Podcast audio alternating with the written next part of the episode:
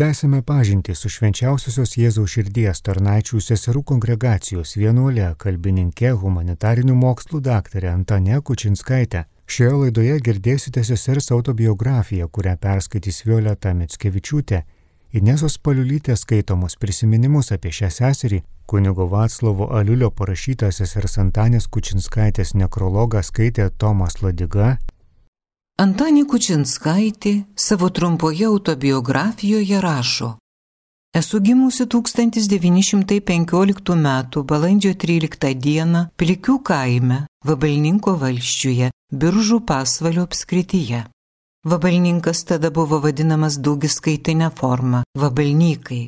Mano motina Magdalena Vaitiekūnaitė buvo kilusi iš paties vabalninko miestelio. Šiame miestelėje jie augo, matydama, kaip du jos broliai, vienas iš jų Antanas Vaitiekūnas tapo kunigu, baigė mokslus, buvo žmonių gerbiami ir mylimi, sakiusi, jog ištekėjusi visus savo vaikelius leisinti į mokslą kad ir kaip sunkiai gyvensinti, vis tiek jos vaikai bus mokyti.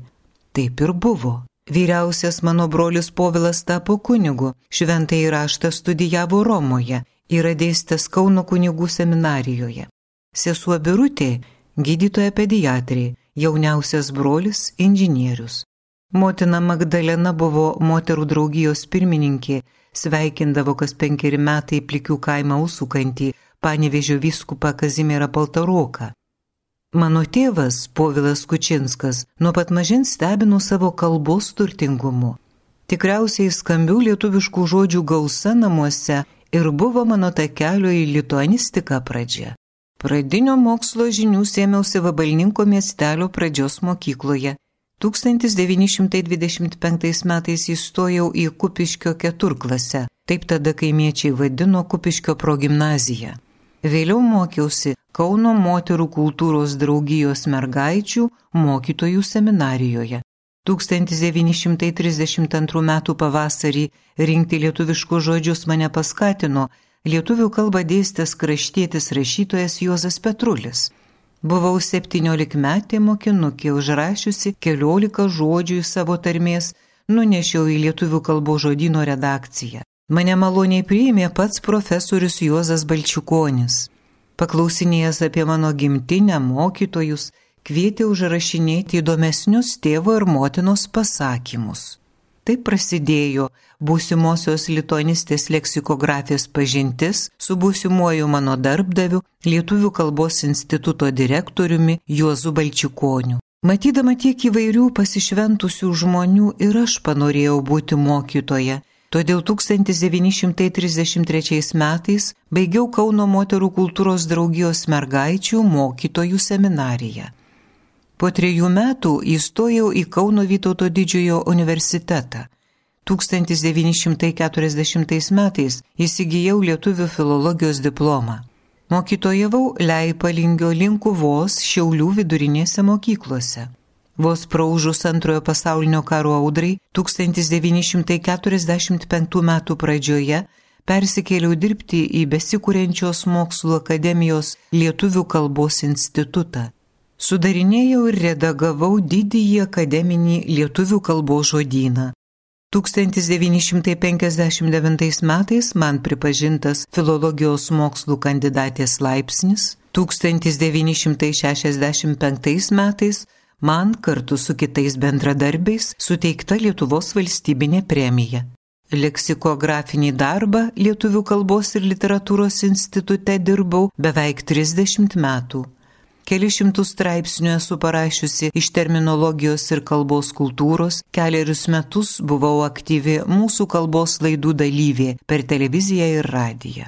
1974 metais išėjau į pensiją, Parašiau knygelę Lietuvių kalbos etiketas, kurią skaitytojai galėjo skaityti 1985 metais.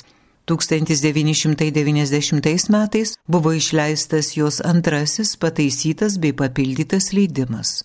Iš savo gimtojo plikių kaimo lietuvių kalbos žodino kartotekai teko surinkti keletą tūkstančių žodžių, Tris dešimtmečius kruopščiai ir vaisingai kartu su kitais kalbininkais dirbome, rašydami ir redaguodami žodino tekstą, rengdami kitus leidinius.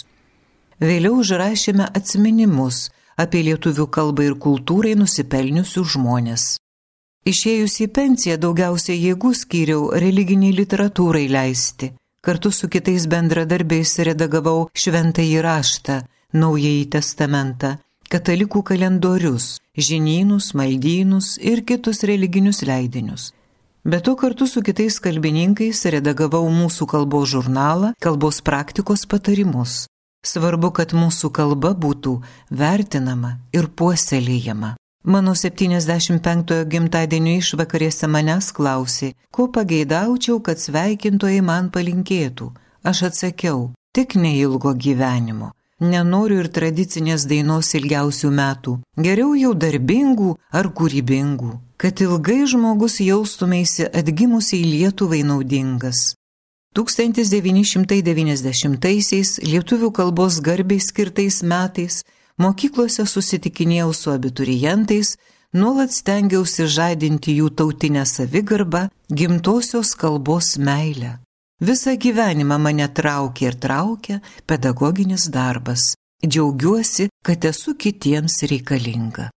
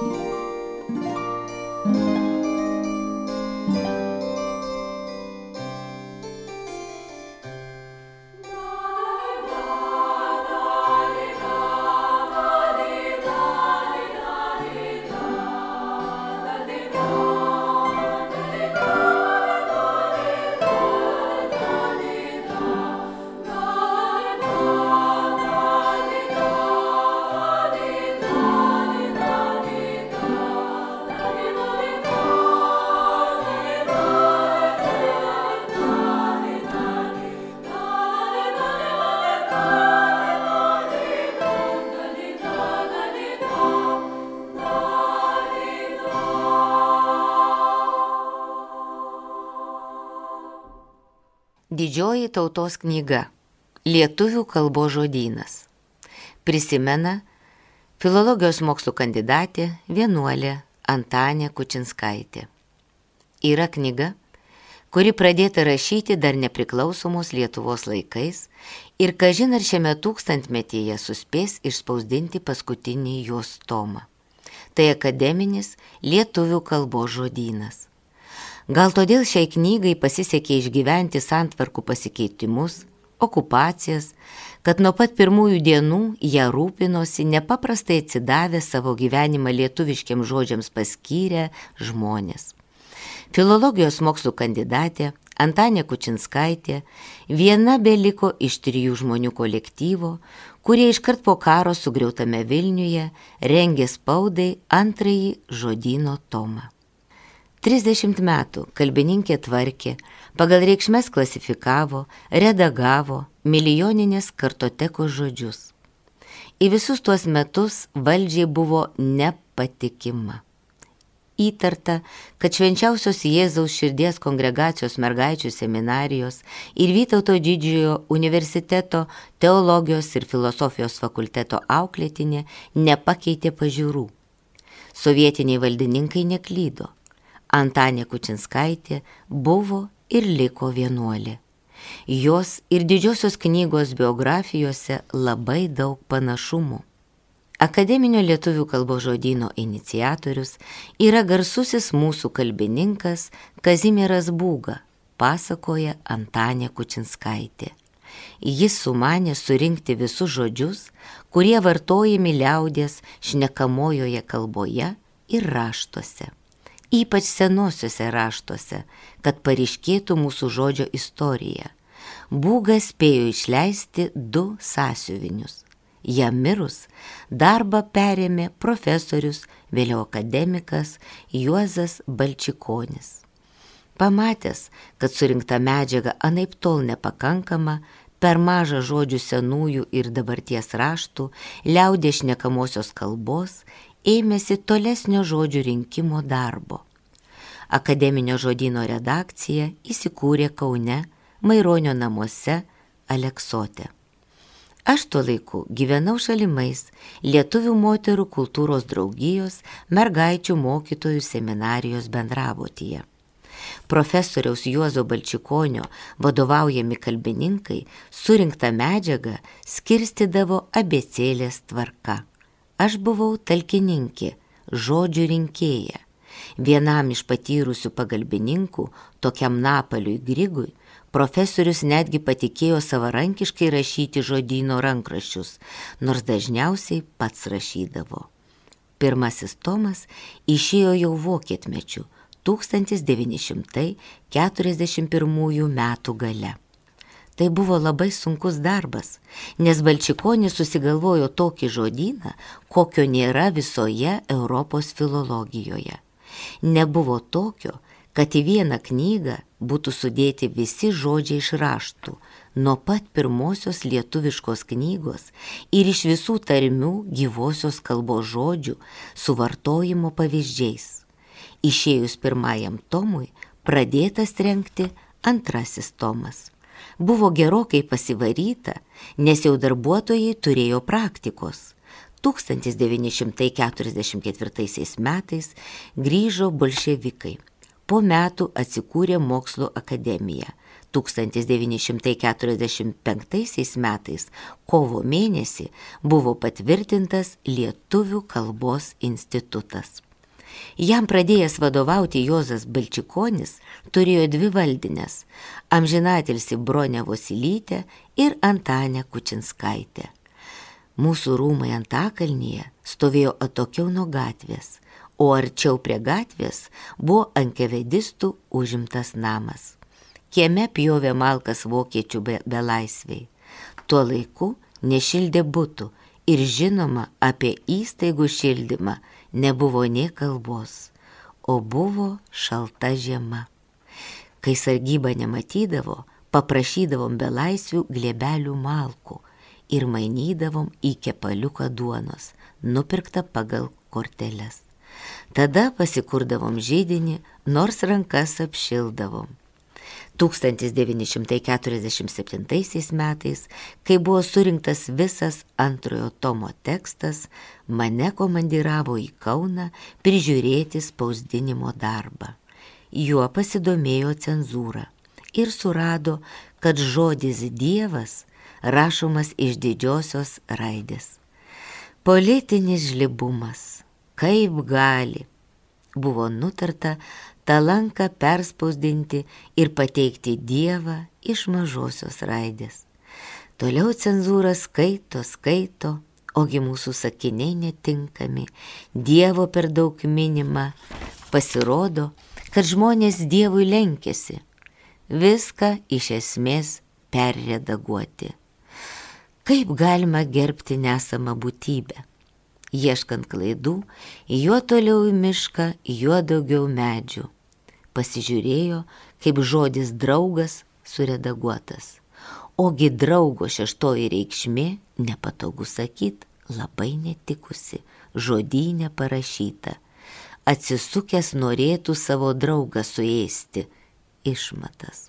Baisus skandalas, komunistams draugo reikšmė pagarbo žodis, o lietuvių kalbai draugas tas, su kurio bičiuliuojamės. Užkliūdavo ir tokie dailiai sutvarkė šventorių. Arba pavyzdys žodžiui cicilikas.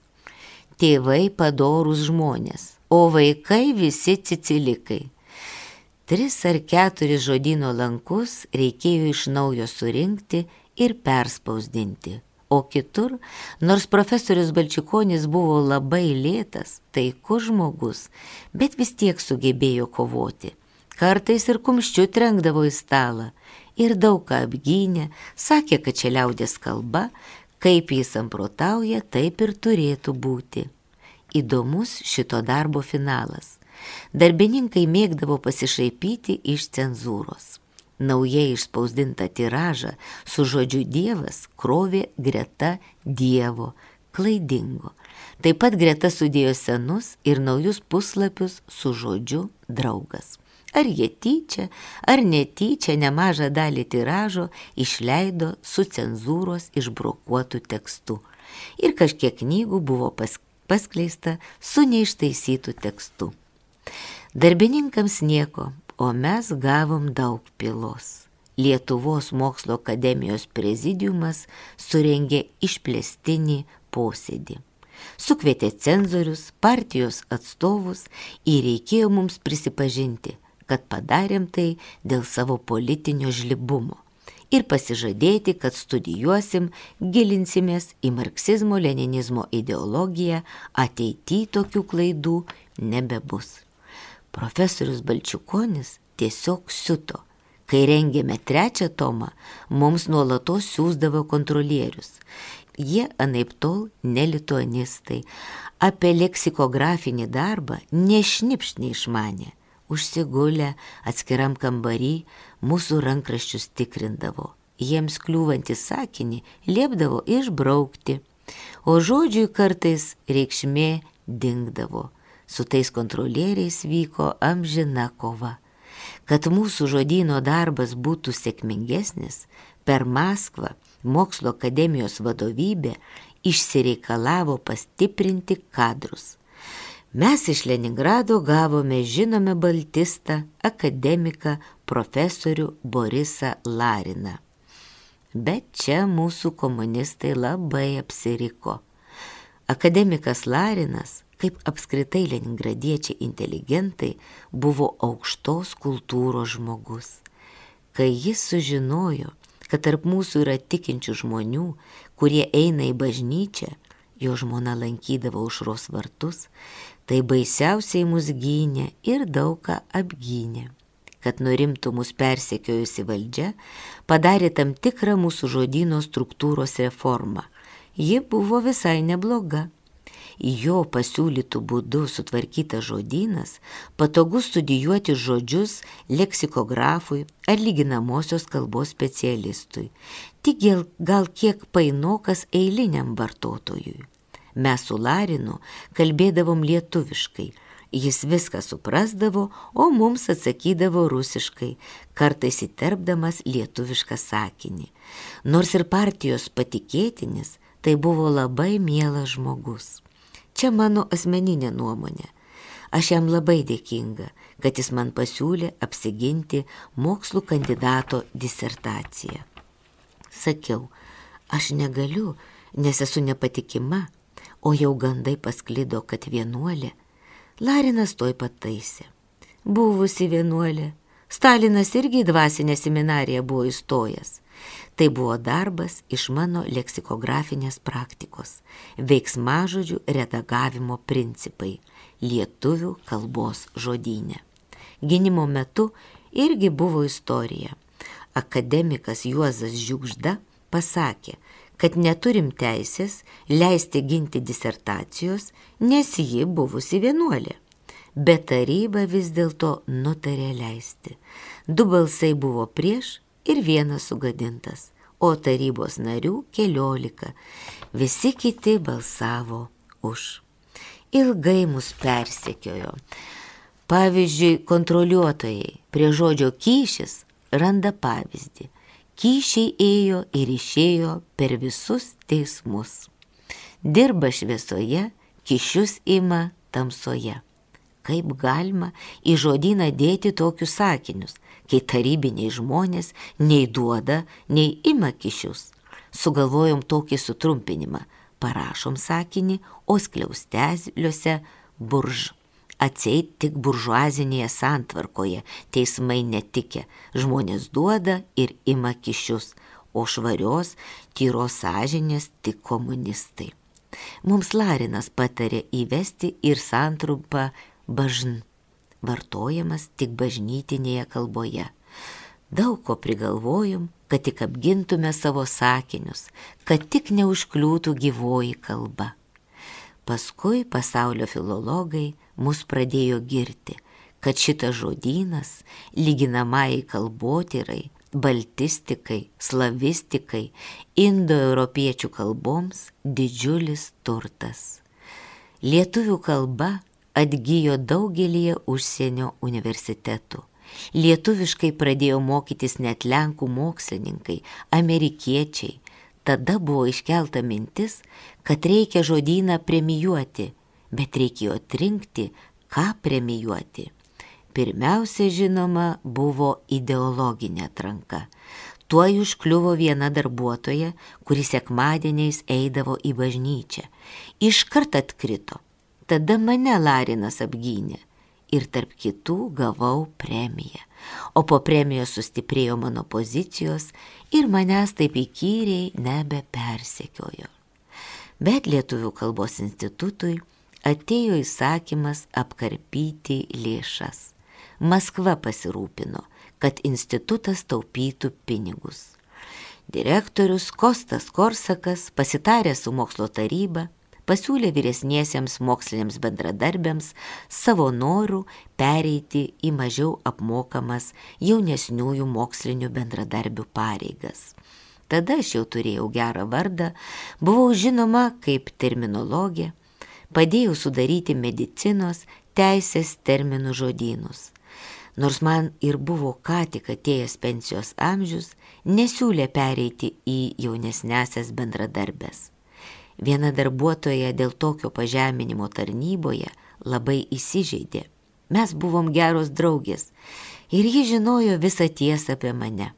Ji parašė baisų skundą į Maskvą. Kaip Korsakas gali laikyti savo valdinę, kuris su kunigais per pietų pertrauką daro susirinkimus.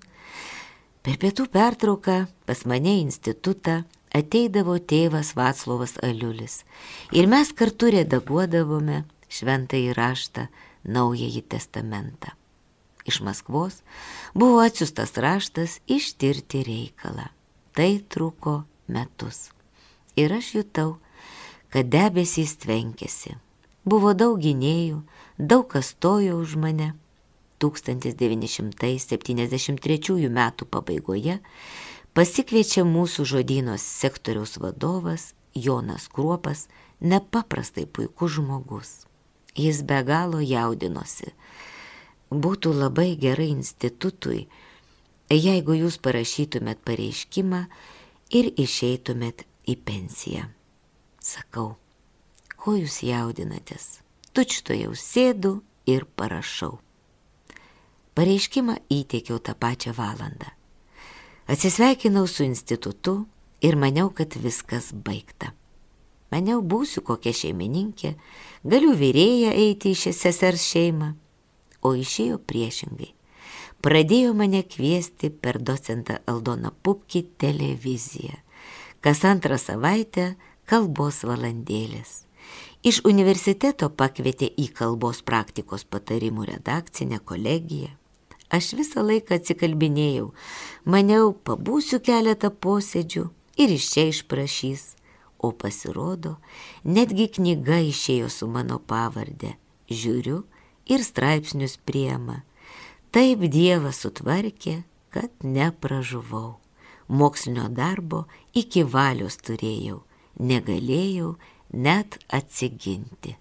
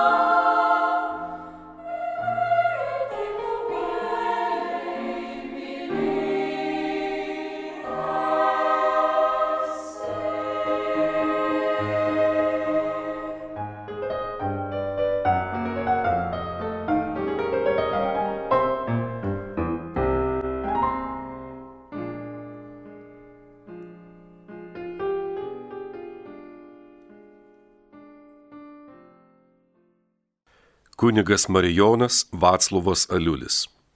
Naujasis žydinys Aidai 2006 metai. In memoriam Antanį Kučinskaitį. O kaip Antanį? Ką sako Antanį?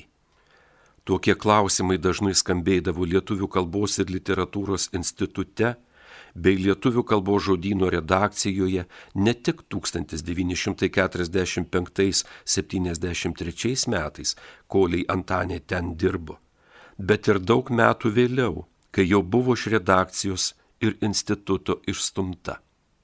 Kodėl išstumta? Ar pritrūko mokslinių kvalifikacijų? Anaip tol. Tik kad pagarsėjo už jūrų marių, jog talkinanti tamsybininkams, bažnytinių leidinių rengėjams. Kodėl tebe klausinėjama daug metų? Dėl aiškių ir pagristų sprendimų. O išstumta taip. Religijų reikalų tarybos prie TSRS ministrų tarybos įgaliotinis Lietuvos tarybos socialistiniai respublikai pageidavo, kad Lietuvoje leidžiamos bažnytinės knygos apeigynas, liturginis maldynas, naujasis testamentas ir gražiai atrodytų, ir kalbos bei stiliaus požiūrių be priekaištų būtų. Iš kur toks rūpinimasis religinių leidinių kokybė? Tai ne Lietuvos tikinčiųjų poreikiams, o gausiai, veikliai išeivėjai, ypač Junktinių Amerikos valstijų, kuri buvo didžiai kritiška viskam, kas ateidavo iš susovietintos Lietuvos.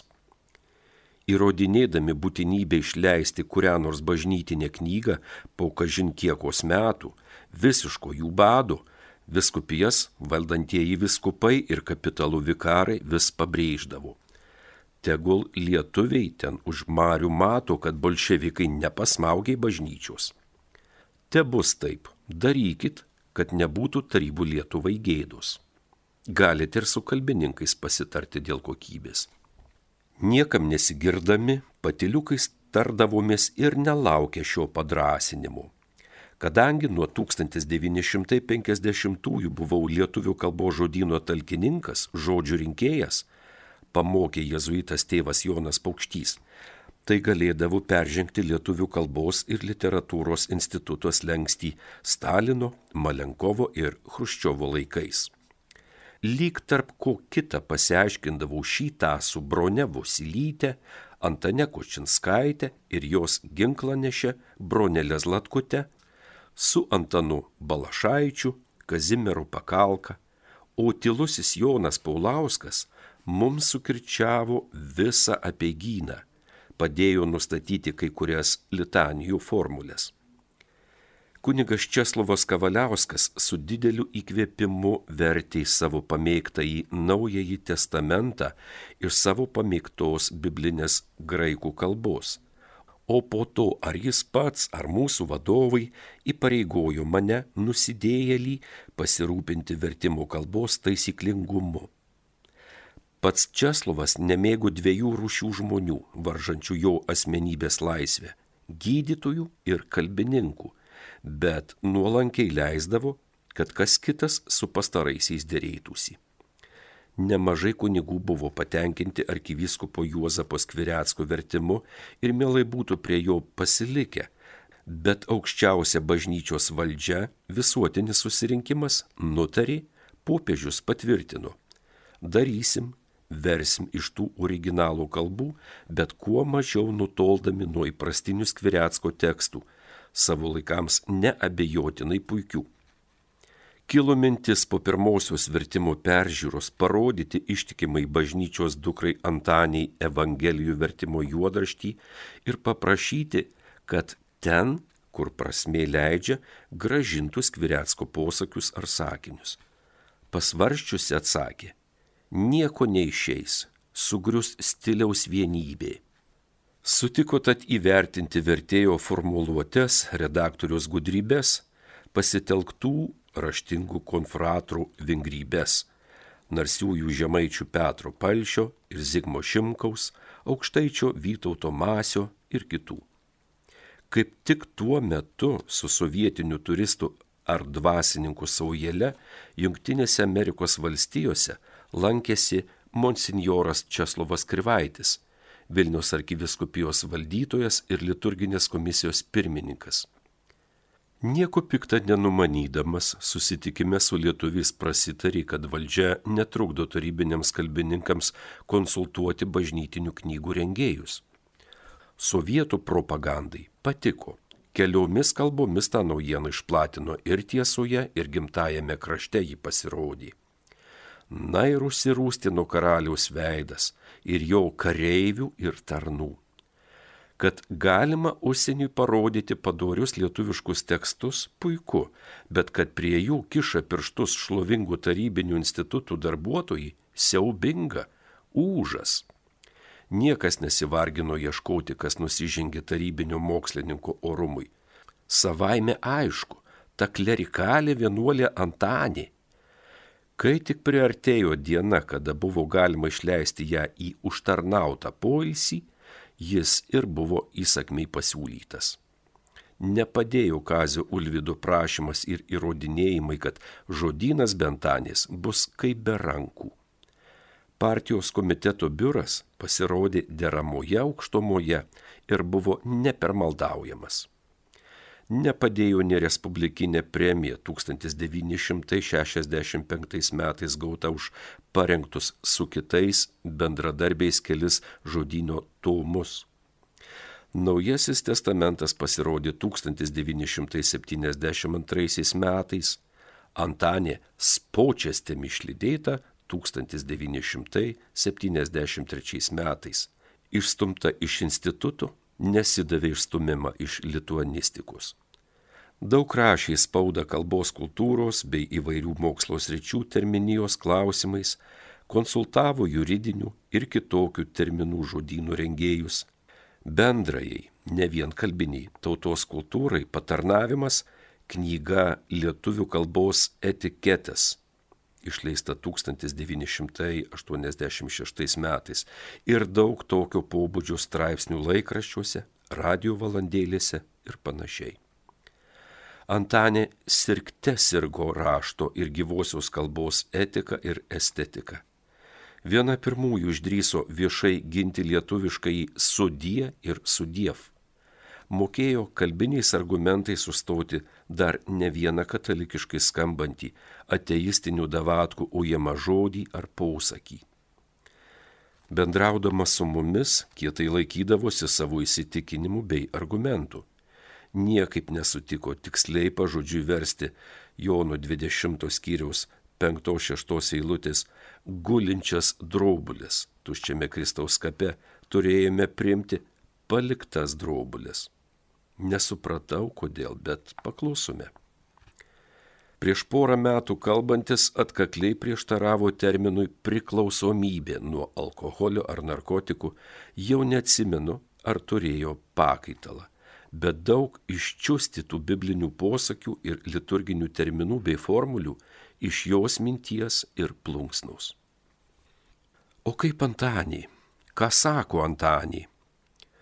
Tokie klausimai dažnai skambėdavo švenčiausiosios Jėzaus širdies tarnaičių vienuolyjoje, svarstant po susirinkimo atnaujinamus įstatus ir bendrus dvasingumo bei gyvenimiško paštalavimo klausimus su kitų vienuolyjų seserimis. Sugražinus į Lietuvą Lietuvių katalikų mokslo akademijos centrą, Antanė priėmė mokslinės sekretorės pareigas ir visą didžiulį akademijos leidybos darbą. Koliai pajėgi stiro ir šalo drėgnose laikinuose Antano Jakšto gatvė 9 patalpose Vilniuje. Nebepaveždama perdavė pareigas daktariai Elenai Neniškytei, į gražią šiltą būstinę Pilies gatvė 8 nebetėjo. Taigi, nepavyko įsilaikyti poste katalikiai mokslininkai buldozerinio ateizmo laikais Tačiau ji rado, kaip toliau visuomeniai tarnauti savo išsilavinimu, išmanimu, tvirtumu. Institute dirbdama pamaldumo nedemonstravo, bet ir nesumažino. Kaip nuo studentės ir vienuolijos naujaukiais metų pratusi, kasdien dalyvaudavo Euharistijoje, įdan per daug neerzintų seklių ilgokai iš Šventojo Mikolojaus bažnyčią eidavo, bėgdavo, apsigobusi skepetaitę ar skepetą kaip liaudies moterys. Partija nesikį susitaikydavo su mintimi, kad to ar ano, šios ar anos perauklėti neįmanoma. Tegu jis ar ji savo tiki, bet tegu nesuvedžioja kitų savo pavyzdžių. Vėlesniais laikais pasitaikė tramdyti jos maldingumo alkį, kai su savo brunele, vos besibaigiant mišioms Mikalojuje, jau spausdavo į aušros vartus, įdant nors ir truputį pavėlavusios pataikytų į dar vieną šventąją auką. Juk taip daug reikia melstis ir aukotis už Lietuvą. Sakiau, sesys, užteks vaikytis kiekybės, kokybės žiūrėkime priėmė. Savo dienas baigė dvasios seserų bendruomenėje Šiauliuose. Ten pat prie anksčiau jam žinybė iškeliavusių jų draugių palaikų atgulė žemėn jos daug vargę kauleliai. Apreiškimo knygoje skaitome. Ir aš išgirdau iš dangaus balsą, kuris sakė, rašyk, nuo šiol bus palaiminti mirusieji, kurie miršta viešpatyje. Taip, sako dvasia, jie turi atsilsėti nuo savo vargų, nes jų darbai juos lydi. Iš apriškimo knygos 14 skyriaus 13 eilutė. Pasirašo kunigas Marijonas Vaclovas Aliulis 2006 metai. Laidoje girdėjote sesers autobiografiją ir prisiminimus apie ją. Skaitė Violeta Mitskevičiūtė ir Inesa Paliulytė.